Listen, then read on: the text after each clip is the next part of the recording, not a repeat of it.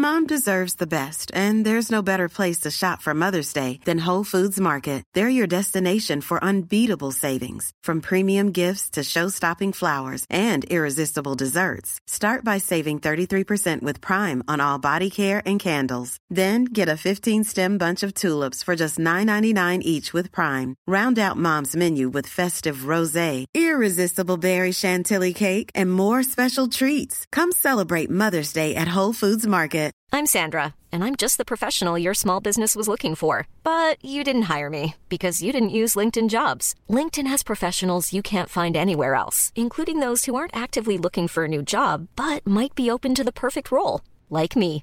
In a given month, over 70% of LinkedIn users don't visit other leading job sites. So if you're not looking on LinkedIn, you'll miss out on great candidates like Sandra. Start hiring professionals like a professional. Post your free job on linkedin.com/people slash people today. A lot can happen in three years, like a chatbot may be your new best friend. But what won't change? Needing health insurance. United Healthcare Tri Term Medical Plans, underwritten by Golden Rule Insurance Company, offer flexible, budget friendly coverage that lasts nearly three years in some states. Learn more at uh1.com. Vi är denna vecka sponsrade av Indie Beauty. Och Sofie, det här tycker jag är extra fint och extra roligt. Ja men Indie Beauty är ju ett skönhetsvarumärke som jag tror att väldigt många känner till, men det jag älskar mest det är att Indie Beauty liksom vill vara mer än bara produkter, vilket de ju också är. Exakt. Indie Beauty står ju för Independent Beauty, skönhet på dina villkor och för din egen skull.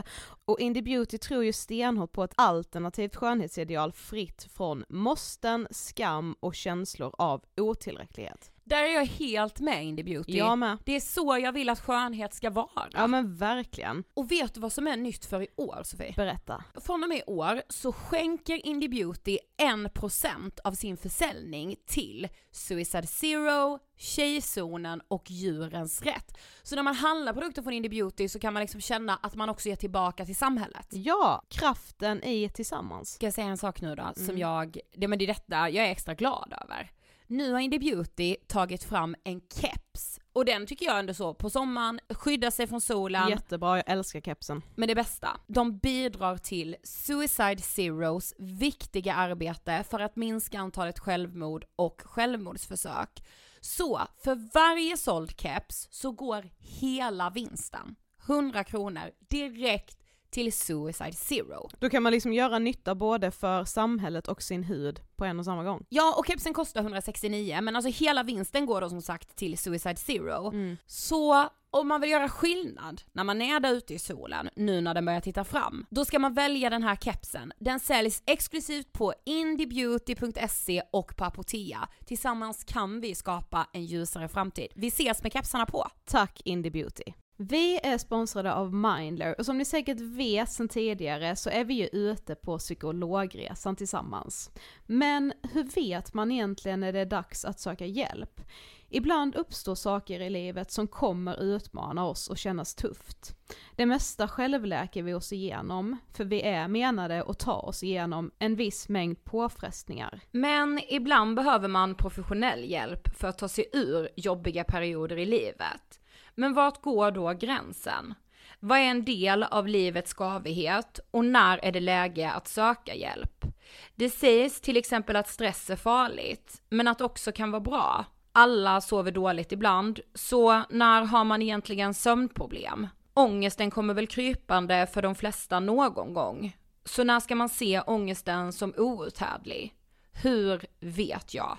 Med oss som psykolog har vi såklart min gamla psykolog Linnea Seidbrant. Men Linnea, vad är egentligen utmattningssyndrom? Utmattningssyndrom är en konsekvens av svår och långvarig stress utan möjlighet till återhämtning. Vi är ju då skapta för att klara av stress, men vi behöver också återhämtning. Om du utsätts för för mycket stress under en lång period utan att du får till den nödvändiga återhämtningen så kommer kroppen till slut att säga ifrån. Och det är faktiskt så att alla har en gräns. Du kan drabbas av en rad fysiska eller psykiska besvär som trötthet, sömnproblem, hjärtklappning, besvär från magen och tarmarna och mycket annat. Och det här är ju då varningssignaler och tecken på att du kan behöva göra någonting åt din situation.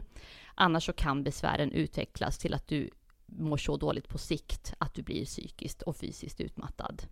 Ladda ner Mindler till din telefon och läs mer på mindler.se.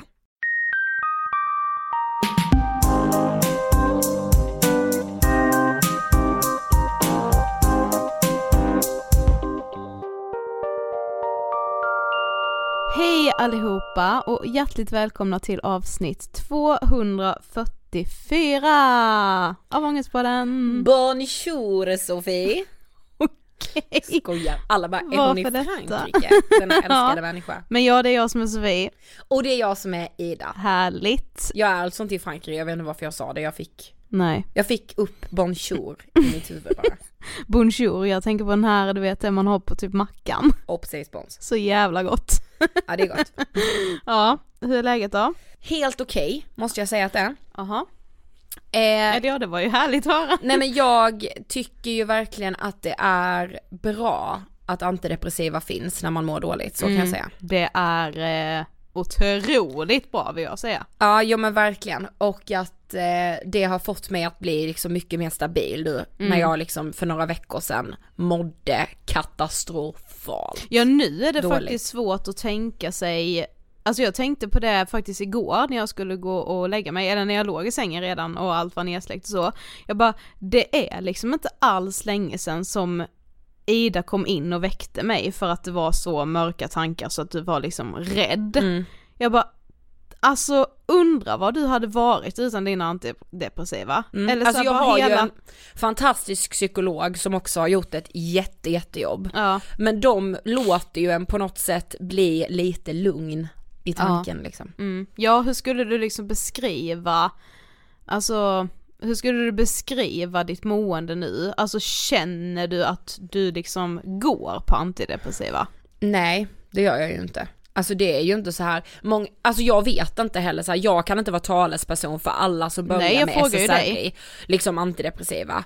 Men för mig är det liksom inte så här att jag känner mig avtrubbad Nej. alls, jag känner mig snarare tvärtom, mer närvarande. Jag kände mig mer avtrubbad när jag mår så dåligt som jag gjorde för några veckor sedan. Mm.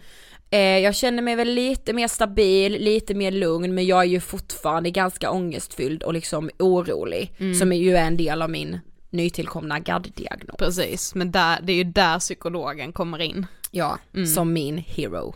ja, precis. Ja men det är ju härligt. Ja jag bara slogs av det igår. Vet du vad jag också gjorde igår? Alltså Nej, jag... för jag tänkte fråga nu hur du mår. Jo men jag mår bra, men det som jag bara gjorde igår som ju alltid blir lite så här. ja men upside down feelings. Okej. Det var igår, jag brukar typ så här om jag inte är jättetrött när jag går och lägger Ja. mig, men typ för trött för att läsa, jag försöker Ja. alltid läsa lite innan jag ska sova och så. Sen igår jag bara, nej men nu vill jag typ lyssna på lite musik, jag gillar liksom att somna till, Till musik. musik. jag Mm. kan somna till vilken musik som helst, rock framförallt kan jag somna till, det, Det jag sjukt. vaggas in i det, det är helt sjukt men ja i alla fall. Så bara ehm, uppdaterade jag min Spotify igår, för det har inte jag gjort på länge, du vet Mhm. uppdatera appen. Mm. Eh, och då såg det lite annorlunda ut så då såg jag mina listor på ett annat Ah. sätt. Hittar listan som jag hade under mitt första år i gymnasiet. Nej.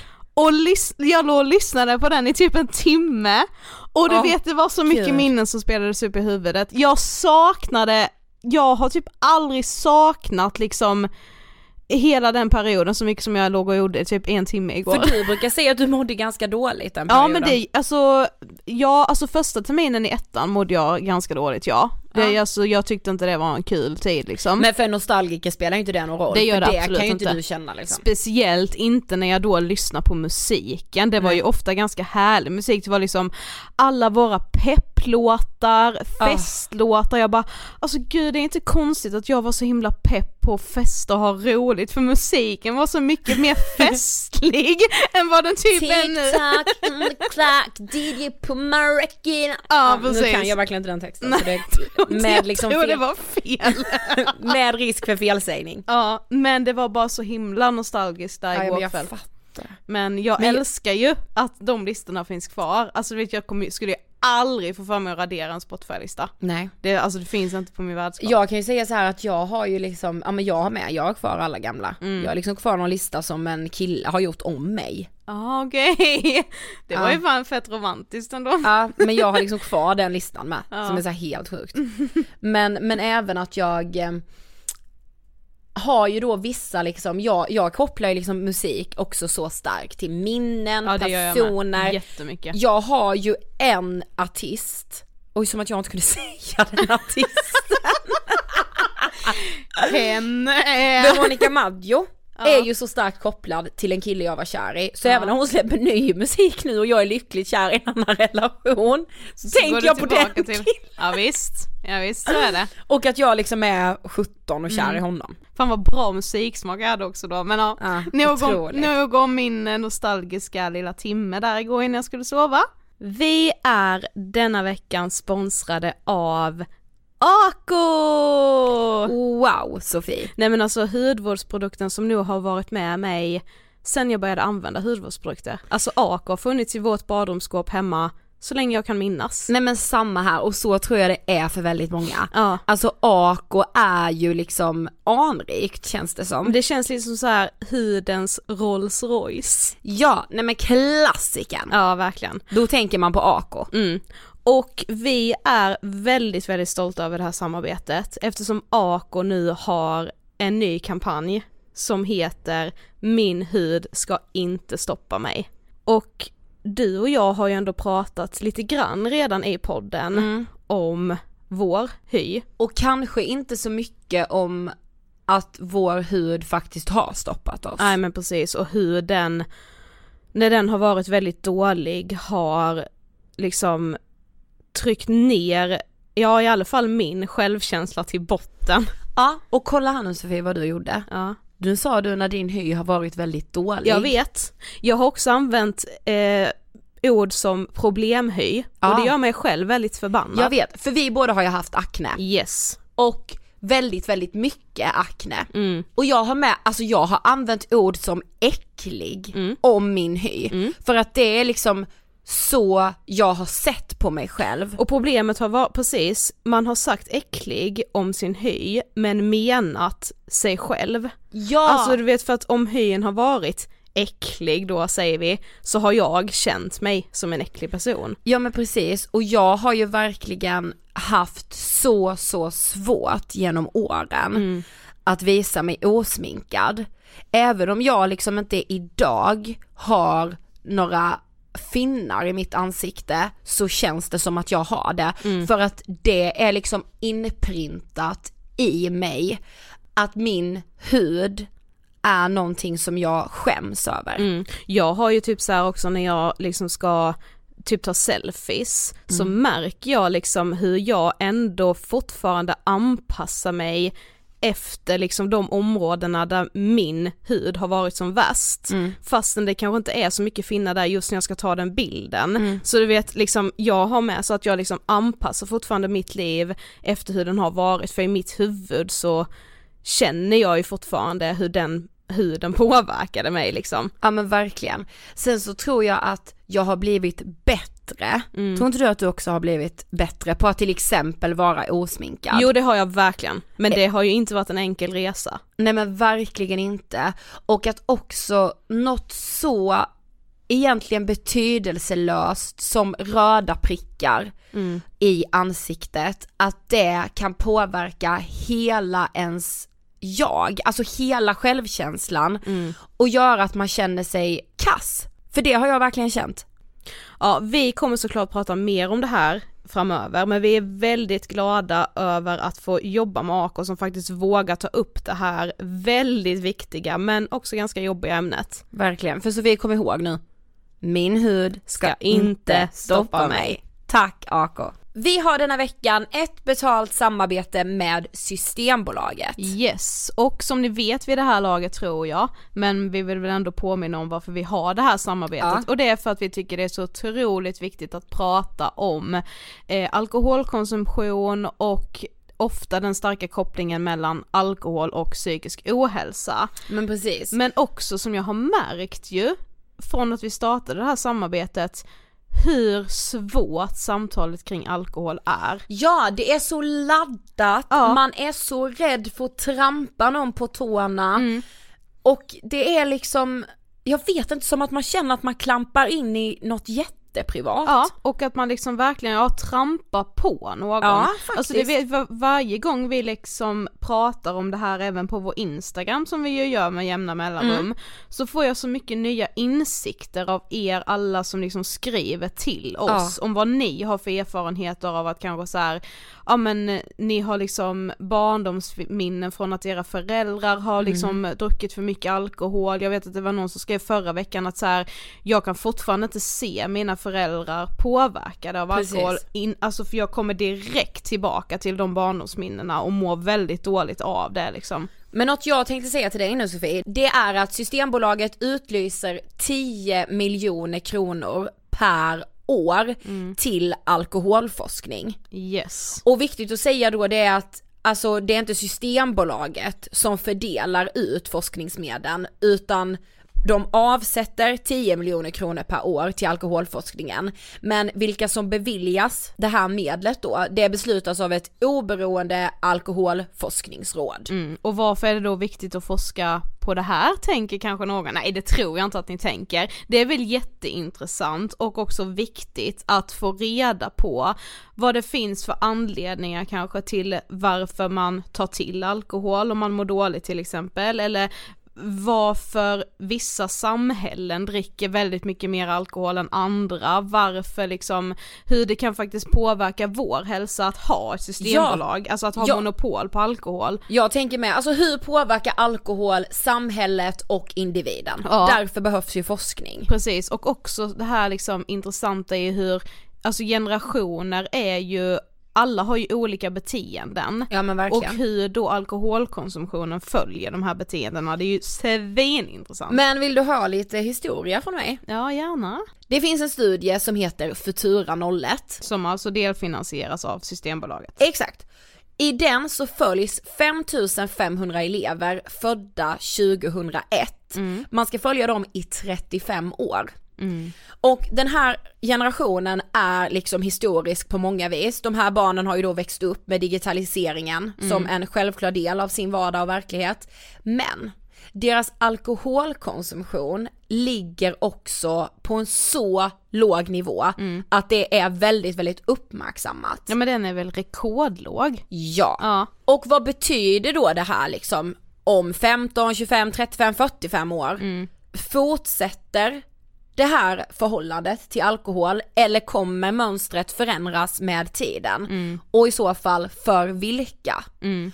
Allt det här ska alltså forskningsstudien Futura 01 ta reda på. Ja men det är ju så spännande. Nej men jag dör. Man kan läsa mer också om studien på futuran01.se. Vill man läsa mer om det här så kan man göra det på omsystembolaget.se alkoholforskning. Och okej, idag ska vi prata om att bli tvångsomhändertagen genom LVU.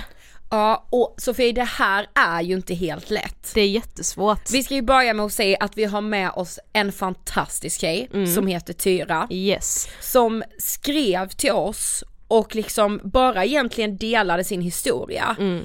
Och den gjorde oss både upprörda, den gjorde oss liksom berörda och vi kände bara att vi måste göra ett avsnitt om det här. Ja, det ska ju komma sig ihåg att så det här är ju Tyras historia. Eh, vi vill ju liksom inte så skrämma någon eller så ge liksom bilden av att det är så här det alltid ser ut om man liksom mår dåligt och behöver mycket hjälp. Nej, så nej, nej. är det ju verkligen inte. Men jag tänkte läsa vad, liksom, vad är då LVU? För LVU står för lagen om vård av unga. Och den som är under 20 år kan vårdas mot sin vilja på till exempel ett HVB-hem eller ett ungdomshem med då stöd av den här lagen, LVU.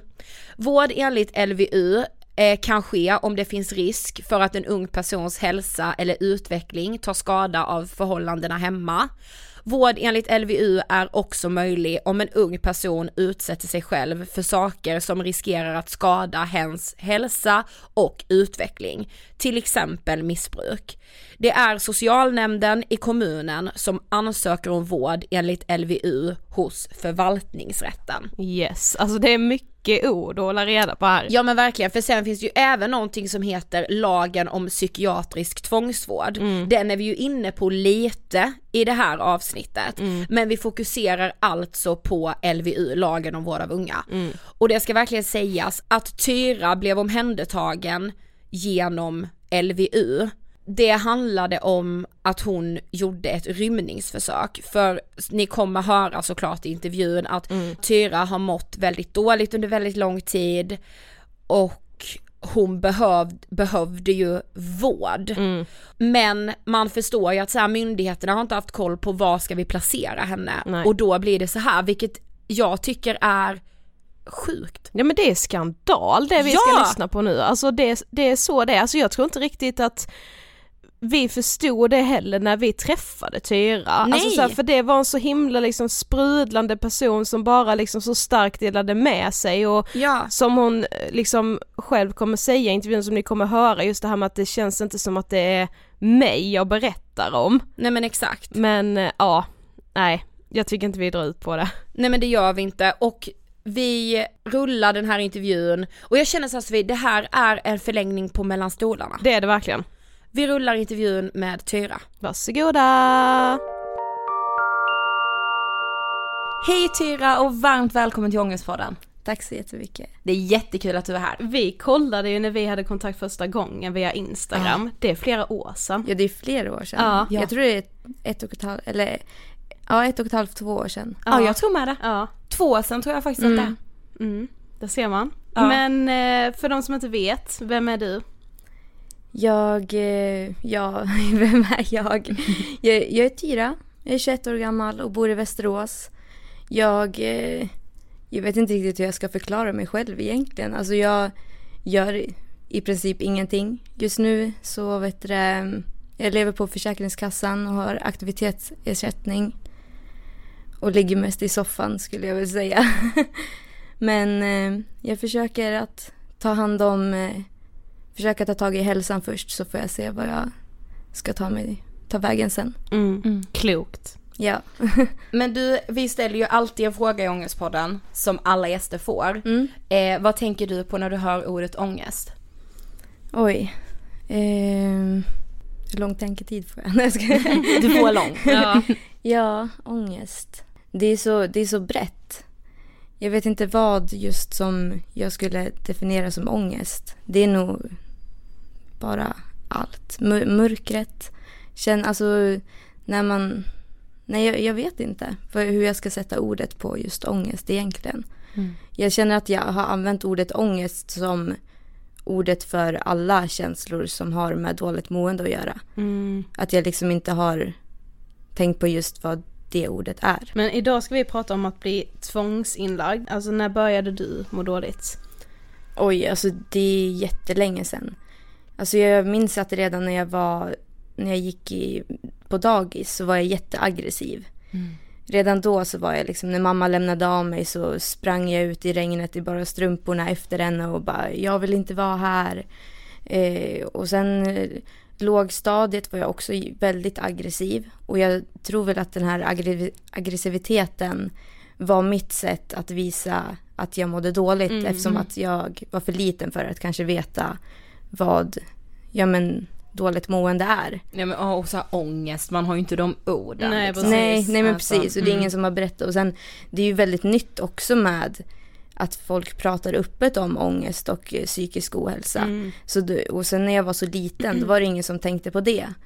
Och så gick jag i lågstadiet och då började jag ett program som, jag, jag är inte säker på vad det hette, men jag tror det hette Art eller något sånt där. Mm. Och då kom det någon eh, tant eller, ja men hon kom till skolan och så fick jag sätta ett rum. Och så kommer jag ihåg att jag fick som en, det var ett vitt papper, så var det som bara svartmålat, en svartmålad gubbe. Och så fick jag en grön penna och en röd penna och så skulle jag fylla i liksom så här, vart på kroppen kände jag mig arg och vart kände jag mig. Och jag kommer ihåg att den där gubben var helt röd. Ja. Och att jag var väldigt så här, ja men jag, var- jag var dum mot mina klasskompisar. Mest mot dem som jag vet det, tyckte om mest. Mhm. Och jag kunde slå, jag slog till och med min lärare med en sopkvast i huvudet en gång. Det var liksom Oj. så här, jag hade ingen kontroll över någonting. Jag var, jag var bara arg hela tiden. Mm. Men kände du att folk liksom ville förstå dig? Alltså fick du ändå hjälp med liksom dina aggressioner på något sätt? Alltså nej, det tycker jag inte. Jag hade ju de där som kom dit. Mm. Men vi kom ju inte vidare någonstans med det. Utan jag satt bara där och fyllde i den där gubben liksom. Så Ja. var det typ inget mer med det. Ja. Sen pratade de väl lite om ADHD har jag fått hört efteråt. Men de kom ju aldrig vidare med det. Och sen när vi kom till mellanstadiet då blev det istället att jag, ja, men jag var sjuk hela tiden. Jag, mamma jag har ont i huvudet, jag, Mm. jag mår inget bra.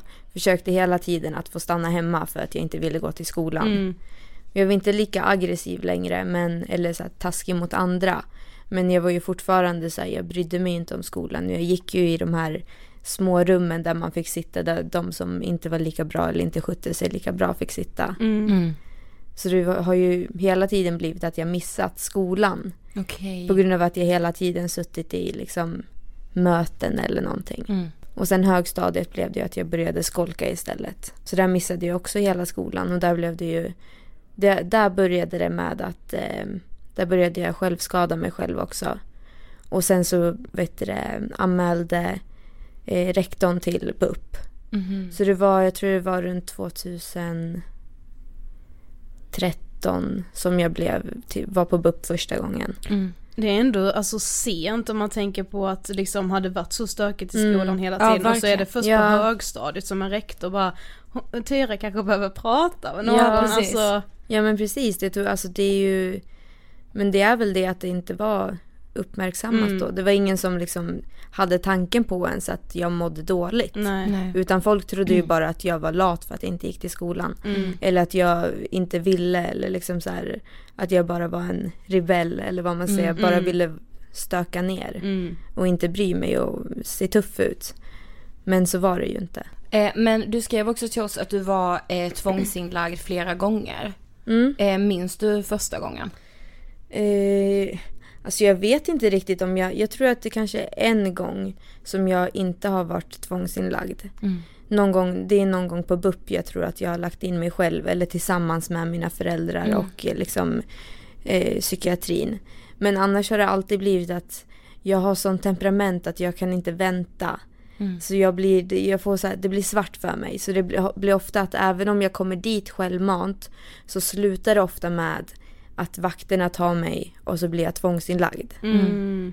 Och på psykiatrin har jag varit det, jag kan inte ens räkna hur många gånger för det är så många gånger så jag kommer inte ens ihåg. Mm. Men nästan alla gånger så har det varit tvångsinläggning just för att jag blir så arg och inte kan kontrollera mig själv. Mm. Och även där borde de ju ha märkt och hjälpt mig med aggressiviteten. Men det har inte tagits upp så mycket heller om att gå terapi eller jobba på det. Det är så konstigt. Alltså jag menar när det blir så ett mönster men när det Mm, återupprepas precis. så måste man ju försöka göra någonting för att man inte ska hamna där igen. Mm. Ja, Men 2014 så fick du bipolär sjukdom ospecificerad och 2015 så fick du din första mani. mm. Eh, alltså berätta, vad hände då? Eh, alltså jag visste väl inte först riktigt att det var en mani. Jag hade i tre, fyra år bara legat i min säng och varit jättedeprimerad. Och sen 2015, det var unger, ungefär under hela sommaren som jag var väldigt pigg. Jag var ute med kompisar hela tiden. Jag drog med tåg till Stockholm. Eh, jag stängde, jag, när mina föräldrar ringde så struntade jag i att svara. Jag drog bara iväg och festade massa. Och ja, men jag må- mådde bara jättebra. Jag kände att jag ägde världen och att liksom jag kunde göra precis vad jag Mm, ville fast jag mm. egentligen bara var Ja, hur gammal var jag 2015? Jag kan vara 16 år tror jag var. Mm. Så mina föräldrar var inte alls så glada att jag var ute och drack massa alkohol och drog till Stockholm Nej. och var borta en hel helg i Stockholm utan att jag kände någon där. Så efter ett tag så fick ju min mamma, ja men hon orkade ju inte mer så hon hörde ju av sig till socialen. Mm. Och då blev jag ju inkallad på möte där.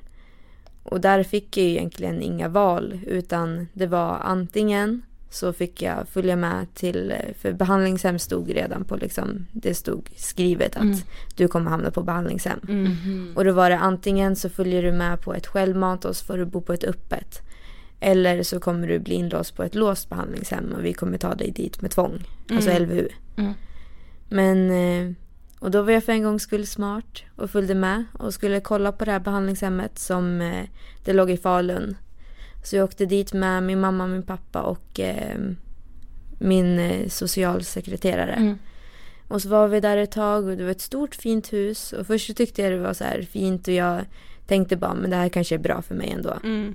Ja, kände du det att du ville på något sätt ändå få hjälp? Alltså jag tror inte, jag var fortfarande så här rätt trotsig då. Mm. Jag var ju ändå, ja men jag var 16-17 år, då är Mm. man ändå rätt så här, man vill börja dricka och sånt fast man inte ska det. Och Mm. man vill börja festa för alla andra gör. Man vill hänga med på de där grejerna. Mm. Och jag ville ju inte direkt bli inlåst på ett behandlingshem då. Jag ville ju fortsätta hänga med mina kompisar och göra de där roliga grejerna som jag egentligen inte får göra. Mm. Men jag tyckte ändå att det såg liksom fint ut när jag var där. Men sen kom en till sån här blackout, eller vad man säger, när det bara blev svart för mig. Så jag minns inte jättemycket där förutom att jag bara springer därifrån. Jag hittar inte mina skor så jag struntar i skorna och bara springer ut. Och det var rätt så... Alltså det var inte så många som bodde där. Det fanns bara några hus. Det var liksom inte inne i Falun. Det var Mm. lite längre ut. Ehm, så, så de som bodde runt omkring var ju vana med att tjejer kanske försökte rymma därifrån Mm. eller sånt. Så de förstod ju direkt att någonting var på tok när det sprang runt någon utan skor Mm. där. Ja. Och försökte, jag vet det, klättra över stängsel och grejer. Mm. Så när jag springer sen över till en bro så kommer precis polisen. Så de hinner ju precis ta tag i mig innan jag vill släppa taget från bron då.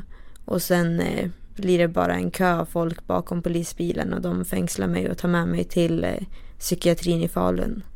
Men hur, hur kände du liksom där och då? Eller går det liksom sätta ord på det? Alltså det alltså allt det som jag typ ska prata om idag. Det alltså jag vet ju att det är verklighet och när jag tänker på det så jag ser allting framför mig så Mm. Tydligt som att det hände här och nu. Mm. Men samtidigt så känns det som, det känns så overkligt som att jag berättar någon annans historia. Mm. Så det är svårt också ibland att veta, ja men vissa stunder hur jag reagerade då för det, det var ofta svart. Mm. Jag fick ju i alla fall åka till psykiatrin där så fick jag sitta där med två polismän i, jag vet inte hur många timmar, två, tre kanske. Medan socialsekreteraren och eh, mina föräldrar var inne på psykiatrin i Falun och pratade med dem. Och sen så kommer de ut efter tre timmar och så tar polisen med mig ut till polisbilen igen. Eh, och sen kommer jag bara ihåg att de säger bara, men nu ska du följa med oss typ. Och sen så vevar de ner vindrutan och bara, men Hey, I'm Ryan Reynolds. Recently, I asked Mint Mobile's legal team if big wireless companies are allowed to raise prices due to inflation. They said yes. And then when I asked if raising prices technically violates those onerous two year contracts, they said, What the f are you talking about, you insane Hollywood ass? F- So to recap, we're cutting the price of Mint Unlimited from $30 a month to just $15 a month. Give it a try at mintmobile.com slash switch. $45 upfront for three months plus taxes and fees. Promo for new customers for limited time. Unlimited more than 40 gigabytes per month. Slows. Full terms at mintmobile.com. Hiring for your small business? If you're not looking for professionals on LinkedIn, you're looking in the wrong place. That's like looking for your car keys in a fish tank. LinkedIn helps you hire professionals you can't find anywhere else, even those who aren't actively searching for a new job but might be open to the perfect role. In a given month, over 70% of LinkedIn users don't even visit other leading job sites. So start looking in the right place. With LinkedIn, you can hire professionals like a professional. Post your free job on linkedin.com slash people today. Hey, it's Ryan Reynolds, and I'm here with Keith, co star of my upcoming film, If, only in theaters, May 17th. Do you want to tell people the big news?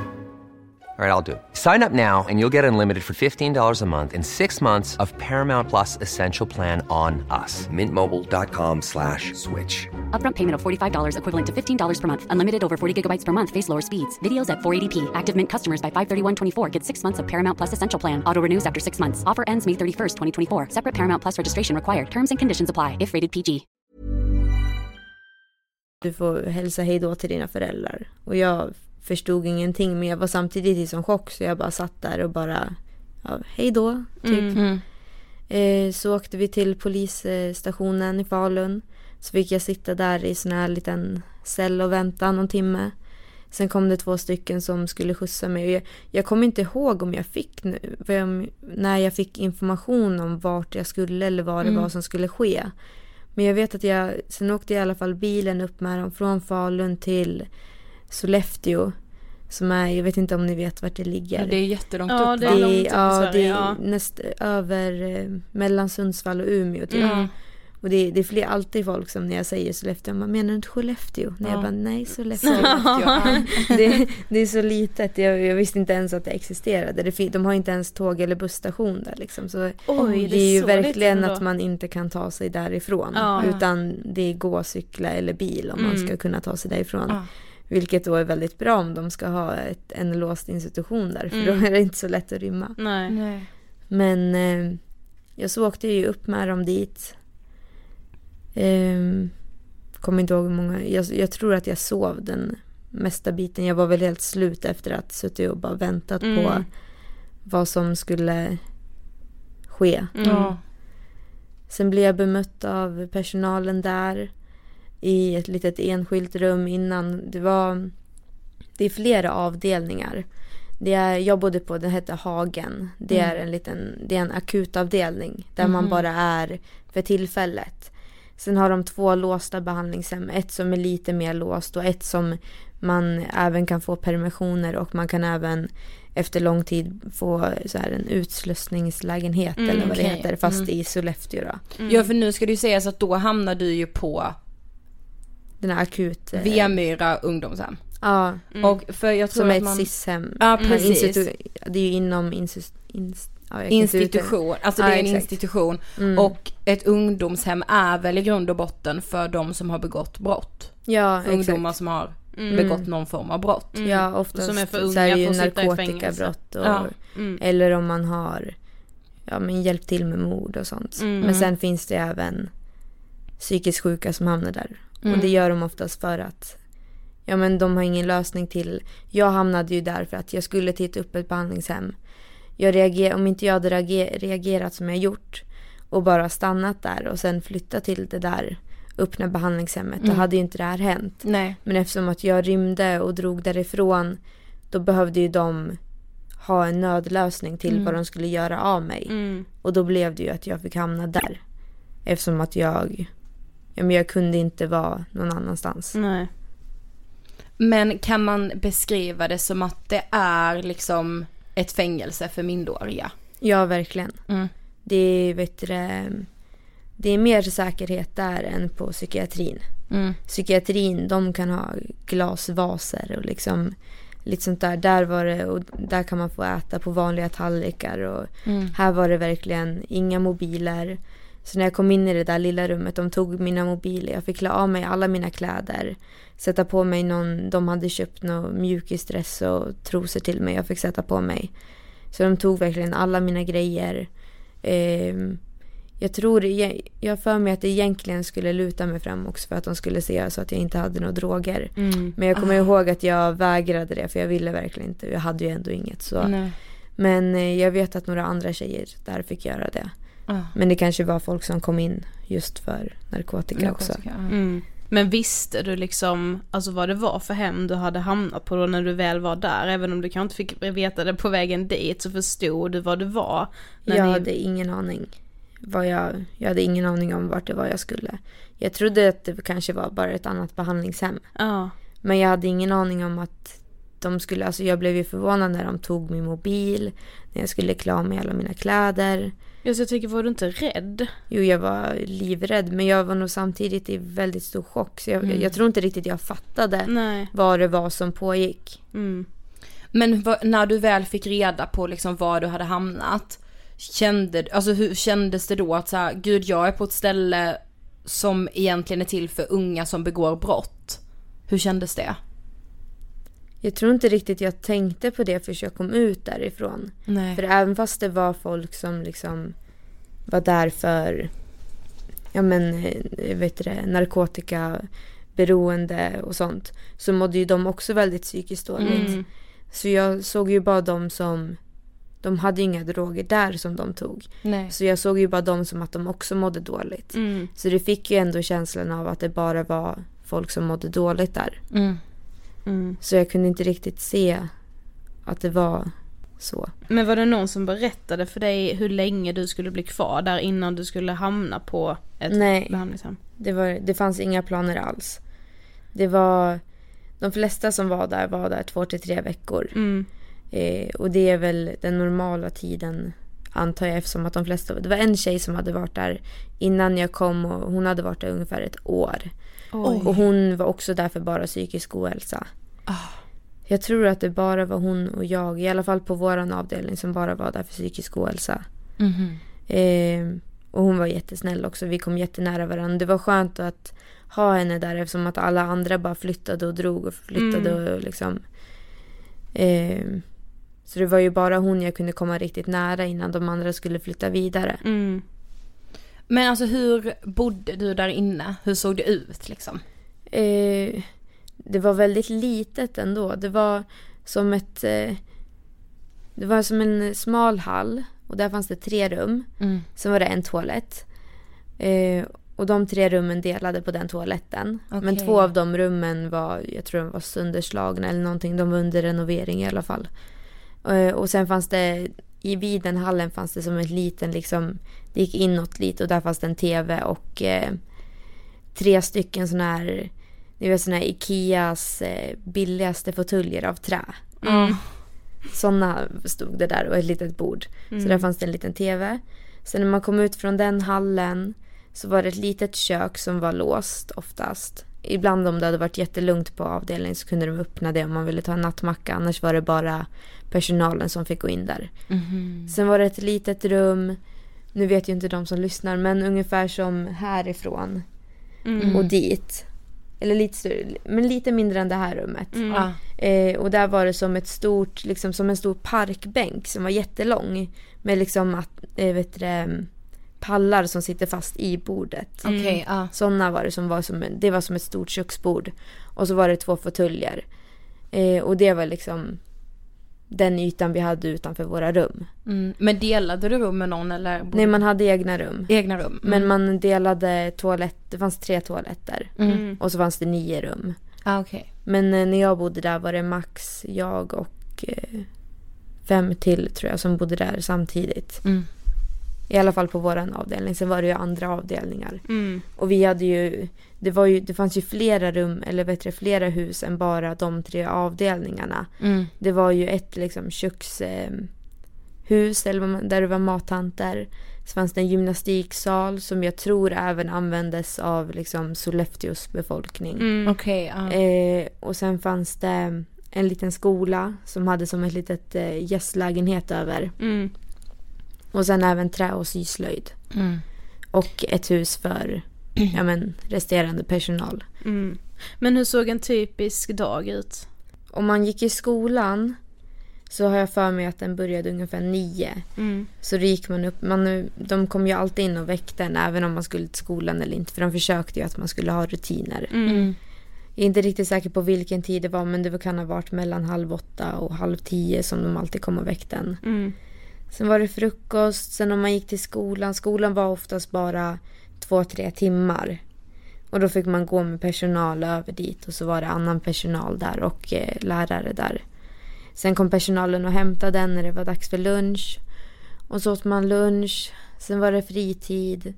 Och då kunde man till exempel, om det var lugnt på avdelningen så kunde man, det fanns ett pysselrum som man fick vara i ibland. Och så fanns det även ett litet rum där det fanns en till tv och ett Wii. Och så fanns det även en sån här gammal tegelstensdator. Men den hade ju inget internet så jag vet att jag satt där varje dag och spelade Spindelharpan. Ja. det var typ det jag kunde göra. Ja. Och sen fick vi varsin sån här mini-mp3 som inte ens hade en skärm. Okej, ja. Men man kunde ju bara ha låtar som fanns på den där datorn och det var ju typ så här Ja, vad kan det ha varit? Rihannas gamlaste låt typ. Ja. Så jag hade ju inte jättemycket att lyssna på. Nej. Och sen var det ju att man gick och la sig bara. Ja. Så det var inte så mycket. Dagarna såg rätt lika ut. Mm. Men avdelningen som du var på, den var låst. Mm, det var alla avdelningar men Ja. den var ju lite Men jag, extra låst. alltså jag tänker om man liksom så här inte riktigt förstår, alltså vad innebär det rent liksom i praktiken att en avdelning är låst? Eh, alla dörr, dörrar är låsta. Och det är bara personal som har nycklar. Ja. Om man ska ut någonstans så måste ju... Ja men verkligen allt är låst. Eh, alla fönster är såna här tredubbel... Ni vet sånt här glas som inte ska gå att slå sönder. Mm. Tredubbelt sånt glas. Och sen hade vi som, om man skulle röka så var det, det var som en vanlig liksom, altandörr. Men där hade de byggt som, ja men vad ska man säga, det var bara träplankor som var Mm. fastspikade så att man verkligen inte skulle kunna ta sig därifrån. Mm. Och sen var det liksom en sån här som man har i bilen om man ska, som man kan trycka i om man behöver eld i bilen. Ja. En sån satt på väggen. Mm. Så om man skulle tända sin cigg fick man liksom trycka in den och tända med den. Ja. Ja. Vilket gör att ciggen smakar typ som en, ja men lite mer som en fimp. Mm. Så det var ju inte jättenice heller. Nej. Så om du hade sagt så här till de personalen, jag skulle vilja ta en promenad så hade du inte fått det? Man fick ta bilturer ibland. Men det var typ max 20-30 minuter. Och det var oftast inte varje dag och det var alltid beroende på hur mycket personal det fanns och om det var lugnt på avdelningen. Oftast var det ju kaos på avdelningen. Men då följde alltså en personal, någon från personalen med på den här Ja, bilturen? Ja. Jag behövde dock alltid åka med två personal. För att jag hade så många rymningsförsök och eh, jag var lite snabbare än de flesta personalen. Så jag behövde lite mer personal på mig. Mm. Alltså du försökte ändå rymma ifrån Mm. det här stället. Mm. Men alltså fick du ta emot eh, alltså något besök? Min eh, mamma och hennes ex var där en gång. Ja. Eh, och då skulle de bo i det här gästlägenheten som fanns över skolan. Mm. Men alltså när de var där, det var... Jag ville liksom, när de... Först var jag jätteglad att de skulle komma dit. Men när de väl var där, då var det så här... Kan ni bara åka hem? Mm. Jag ville inte umgås med dem. Så jag var på avdelningen istället för att kunna sitta i gästrum och hänga med dem. Mm. För jag blev bara så här... Det ble, det, jag tror det blev för jobbigt. Mm. Jag ville bara vara klar där och träffa dem efter det. Mm, precis, det kanske blir så påtagligt att du var fast där och de Mm. skulle komma och sen åka igen. Ja. Ja. Men fick du prata i telefon? Eh, vi hade telefonlista som eh, socialen hade. Man fick ge namn och nummer och så fick de godkänna. Okej. Jag hade tre kompisar och så hade jag min mamma, pappa och min farfar. Mm. Så det var de jag hade jag kunde prata med. Mm. Och telefontiden var max en halvtimme om dagen. Det var också beroende på personal och hur lugnt det var på avdelningen. Mm. Så allting var ju liksom efter det. Mm. Om man fick göra så. Ibland kunde man ju inte prata med någon på hela veckan. Mm. Men du, sa, du nämnde liksom nästan precis att det kunde vara ganska stökigt på avdelningen. Mm. Alltså när man bor så. Eh, alltså kunde du känna att det fanns en risk att man liksom triggade varandra? Det gjorde man verkligen. Ja. Det var, alltså, man mådde ju väldigt mycket sämre där än vad man gjorde innan man var där. Mm. Så det var ju liksom verkligen inte till någon hjälp där. Alltså man blev, det är nästan skämmigt att säga hur jag har betett mig när jag har varit där. För man blev verkligen som ett monster. Alltså jag slog sönder hela mitt rum. Alla som bodde där slog sönder hela sitt rum. Mm. Och det var verkligen Samtidigt? Alltså- Ja, alla samtidigt kunde det vara ibland. Och då det, det gick liksom sån här larm som brandlarm nästan som personalen fick trycka på. För att de behövde hjälp från andra avdelningar. För att hålla fast allihopa. För att alla slog ner all, hela sina rum. Liksom, eh, skrivbord var liksom smul i varje rum. Och gardinstänger var neddragna och folk började slå. Det var någon personal som fick eh, revbenen brutna Oj. för att en tjej sparkade henne. Så det var ju liksom hela tiden.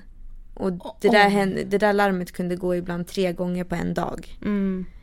Så det var ju väldigt hela tiden Mm. väldigt påtagligt att vara där. Mm. Ja. Men och även om liksom, man själv var lugn en dag och någon annan började.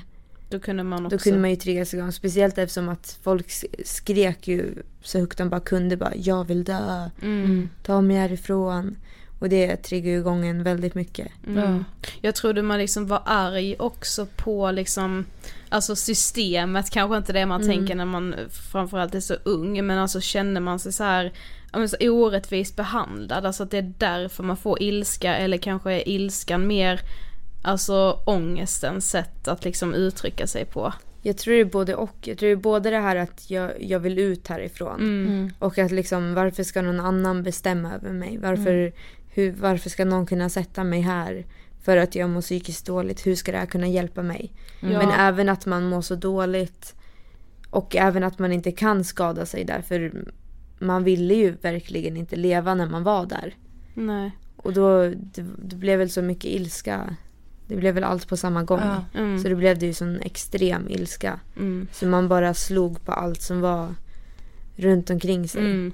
Men jag tänkte också på att, eh, alltså som du sa, att de flesta var där tre, fyra veckor. Mm. Men du var där 12 veckor. Mm. Har du fått någon förklaring i, nu i efterhand på varför du fick stanna där så länge? Jag, nej, jag har väl inte direkt fått någon förklaring. Men jag tror att det var för att jag var inte lika lugn som de andra var. Mm. De andra var lite lugnare och då hittades det behandlingshem till dem. Ja men de var friskare. De Mm.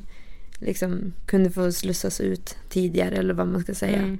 Och jag skulle egentligen ha varit där längre. Mm. Eh, men jag lyckades på något sätt övertala dem om att jag kan inte vara här längre. Nej. Så då akut hittade de ett behandlingshem till mig som jag fick flytta till. Mm. Okej. Så jag skulle egentligen ha varit kvar längre än vad jag var. Mm. Och jag skulle egentligen ha gjort en utredning där.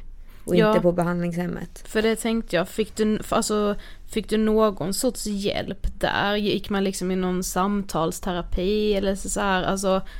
Var Vad det fick liksom- du för behandling liksom? Ja, Alltså jag har ingen minne av att jag har gjort något annat än att bara skrivit i något papper om hur jag mår typ. ja. Och Men sen, har det är man, sen hade man ju bara- typ en, två gånger i veckan då man pratade med sin eh, handledare. Men jag har, in, jag har ingen minne av att jag fick ut någonting. Nej. Eller att jag fick någon hjälp av det. jag tänker det borde ju vara så här konkreta program i sådana Mm, fall. Att okej verkligen. nu har du kommit här första veckan, kanske det är lite stökigt liksom. Då förstår jag med att man behöver Mm. typ bo in sig lite och Mm. bara så här kanske acceptera att man är där liksom. Men Mm. att man sen då bara, nu kör vi liksom det här programmet Ja, för att du ska precis. bli frisk. För som Mm. du själv sa, alltså, du var ju sjuk. Det är inte konstigt att man inte blir friskare om man liksom inte får bearbeta allt man har varit med om och alla känslor man har Mm. och liksom, ja men lär sig hantera sina känslor. Ja, alltså, sen tror jag också att det var svårt på just den avdelningen jag var på. Jag vet, inte, jag vet egentligen inte om den avdelningen var till för det. Nej. Sen blev det ju också att så fort jag kanske började lugna mig lite så kom det ju nya som mådde dåligt. Mm. Och då började ju de dra i- igång liksom. Mm. Och då drog ju jag igång också.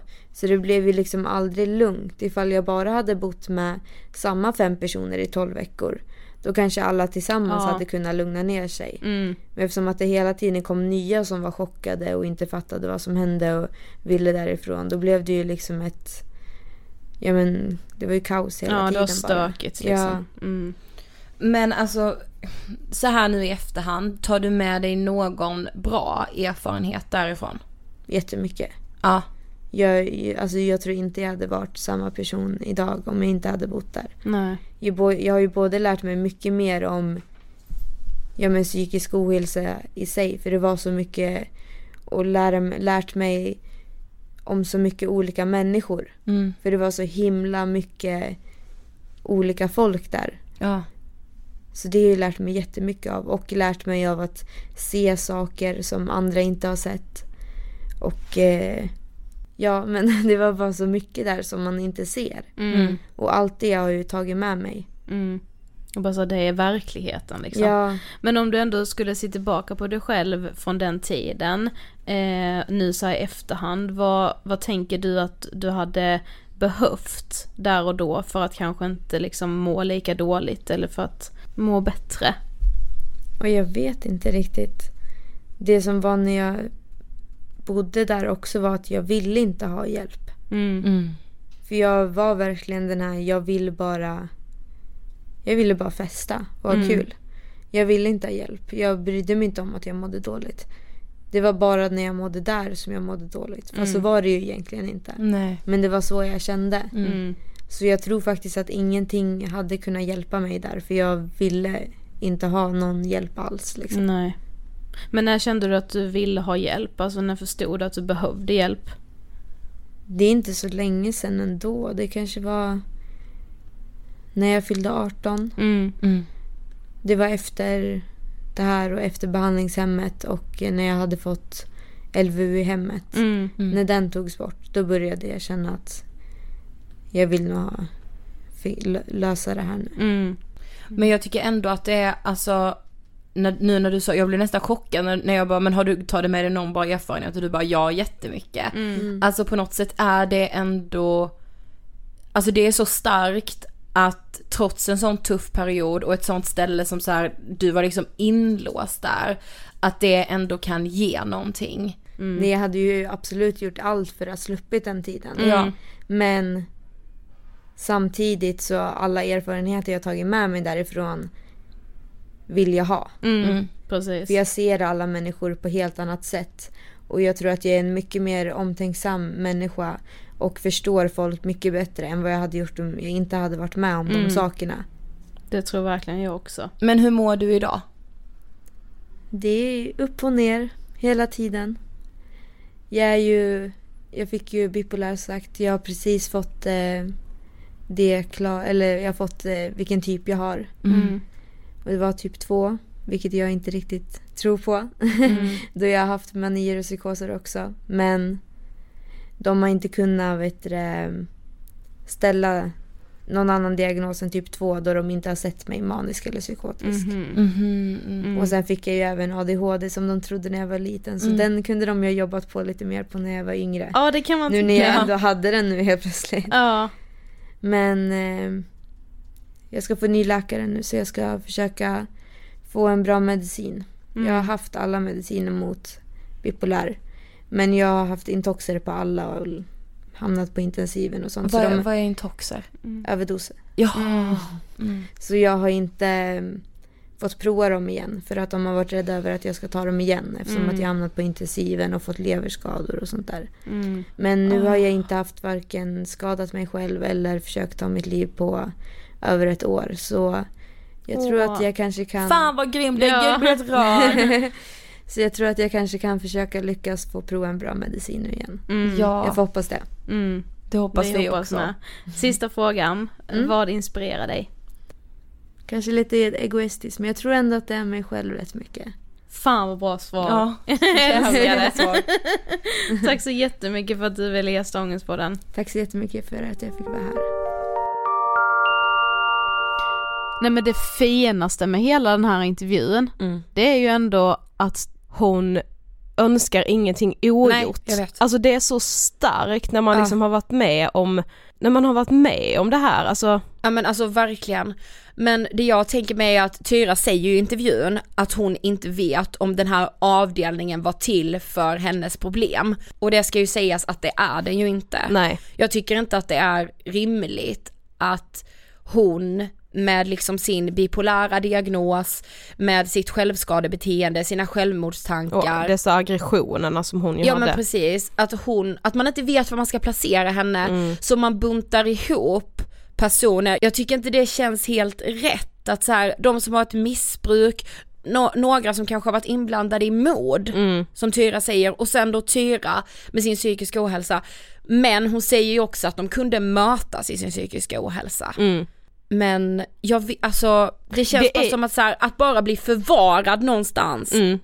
Är, jag, jag tror inte att den här förvaringen leder till god psykisk hälsa. Nej. Eh, sen så förstår jag ju också att man på något sätt, alltså förvaring låter ju så himla hårt, man kanske Mm. inte behöver se det som förvaring, det ska ju vara en plats där man liksom blir hjälpt med att få tillbaka någon sorts självkänsla och få bort det här självhatet som man ju Mm. såklart känner och, och liksom, men jag förstår att man också känner ett svek från samhället. Ja men precis. Ehm, och ja, alltså det är jättesvårt att, att ta upp de här frågorna har jag faktiskt insett, alltså ju mer vi har gjort det, för att såklart, ses, alltså alla historier är så olika, Mm. det går liksom inte ge någon sorts generell bild av hur det Nej, ser ut för alla inte. har så mycket olika erfarenheter.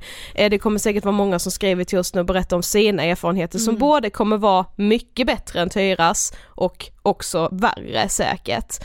Men liksom jag tycker bara det känns så viktigt ändå att lyfta det trots det svåra och även om vi inte alltid kan göra alla rätt för att anledningen till varför det är så svårt är ju för att man typ aldrig någonsin innan har hört de här historierna. Nej men precis. Jag har, så innan vi startade Ångestpodden hade jag ingen aning om att det är så här det går till om Nej. någon mår så pass dåligt så att man liksom inte Och det är ju inte alltid det går till så här Nej, heller. Det måste vi inte. verkligen komma ihåg. Men Mm. alltså det här är bara så här, alltså sprid det här avsnittet, snälla hjälp oss, det här måste politiker höra för det Precis. krävs att vi gör någonting. Mm. Unga människor som mår så här dåligt ska ju inte hamna på ett ungdomsfängelse. Nej men det ska ju inte gå så långt så att de mår så dåligt. Det var ju Nej. som Tyra själv berättade, hon mådde dåligt liksom i lågstadiet. Ja. Varför var det ingen lärare som agerade? Eller Nej. någon annan vuxen liksom? Nej precis. Hallå, vad är ni? Ja. Ja, tusen tack Tyra för att du ville gästa och berätta din historia. Det var vad vi hade att bjuda på idag. Det var det. Nästa vecka är vi tillbaka som vanligt. Vi kanske ska säga det för er som lyssnar direkt Idag, när det här släpps, Mm. ja eller fredag. Mm. Eh, just nu är bokmässan i full gång. Bokmässan i Göteborg. Yes, och vi är på plats, självklart, med vår underbara bok Vi borde vara lyckliga. Och vill ni se vårt schema så gå in på Angestpodden på Instagram för vi har signeringar två dagar, vi är på olika scener, vi kommer prata psykisk ohälsa och låta det ta plats. Yes, vi kommer vara mycket på västkusten den här hösten. Gud ja! Det är jag bara, ska jag snart få snart flytta till Göteborg? Nej men nästan alltså. Ja, Ja. underbara Götet. Ja, ja, men jag hoppas att vi får träffa några av er Det där. hoppas jag. Ja, det vore underbart.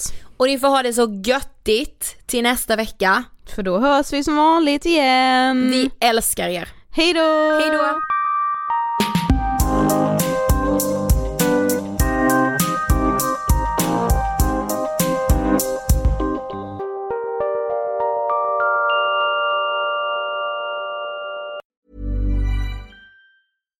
Mom deserves the best, and there's no better place to shop for Mother's Day than Whole Foods Market. They're your destination for unbeatable savings, from premium gifts to show-stopping flowers and irresistible desserts. Start by saving 33% with Prime on all body care and candles. Then get a 15-stem bunch of tulips for just $9.99 each with Prime. Round out Mom's menu with festive rosé, irresistible berry chantilly cake, and more special treats. Come celebrate Mother's Day at Whole Foods Market. Hey, it's Paige DeSorbo from Giggly Squad. High quality fashion without the price tag. Say hello to Quince. I'm snagging high-end essentials like cozy cashmere sweaters, sleek leather jackets, fine jewelry, and so much more. With Quince being 50 to 80% less than similar brands. And they partner with factories that prioritize safe, ethical, and responsible manufacturing. I love that. Luxury quality within reach. Go to quince.com slash style to get free shipping and 365 day returns on your next order. Quince.com slash style. Imagine the softest sheets you've ever felt. Now imagine them getting even softer over time. That's what you'll feel with Bowl and Branch's organic cotton sheets. In a recent customer survey, 96% replied that Bowl and Branch sheets get softer with every wash. Start getting your best night's sleep in these sheets that get softer and softer for years to come. Try their sheets with a 30-night guarantee. Plus, get 15% off your first order at bowlandbranch.com. Code BUTTERY. Exclusions apply. See site for details.